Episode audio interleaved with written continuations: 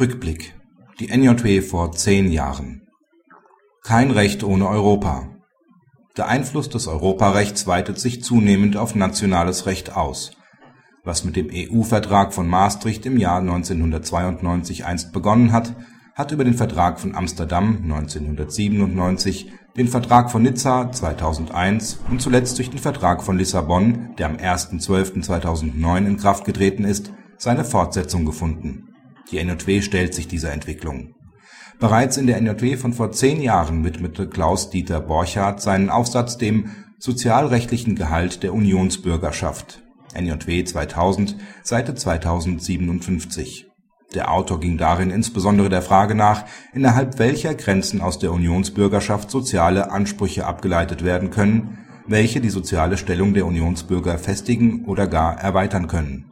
Sein Fazit zwar habe die EG darauf verzichtet, ein eigenes Sozialleistungssystem zu schaffen, aber die Unionsbürgerschaft garantiere einen umfassenden Sozialschutz aller Unionsbürger innerhalb der EU, unabhängig vom jeweiligen Aufenthaltsort.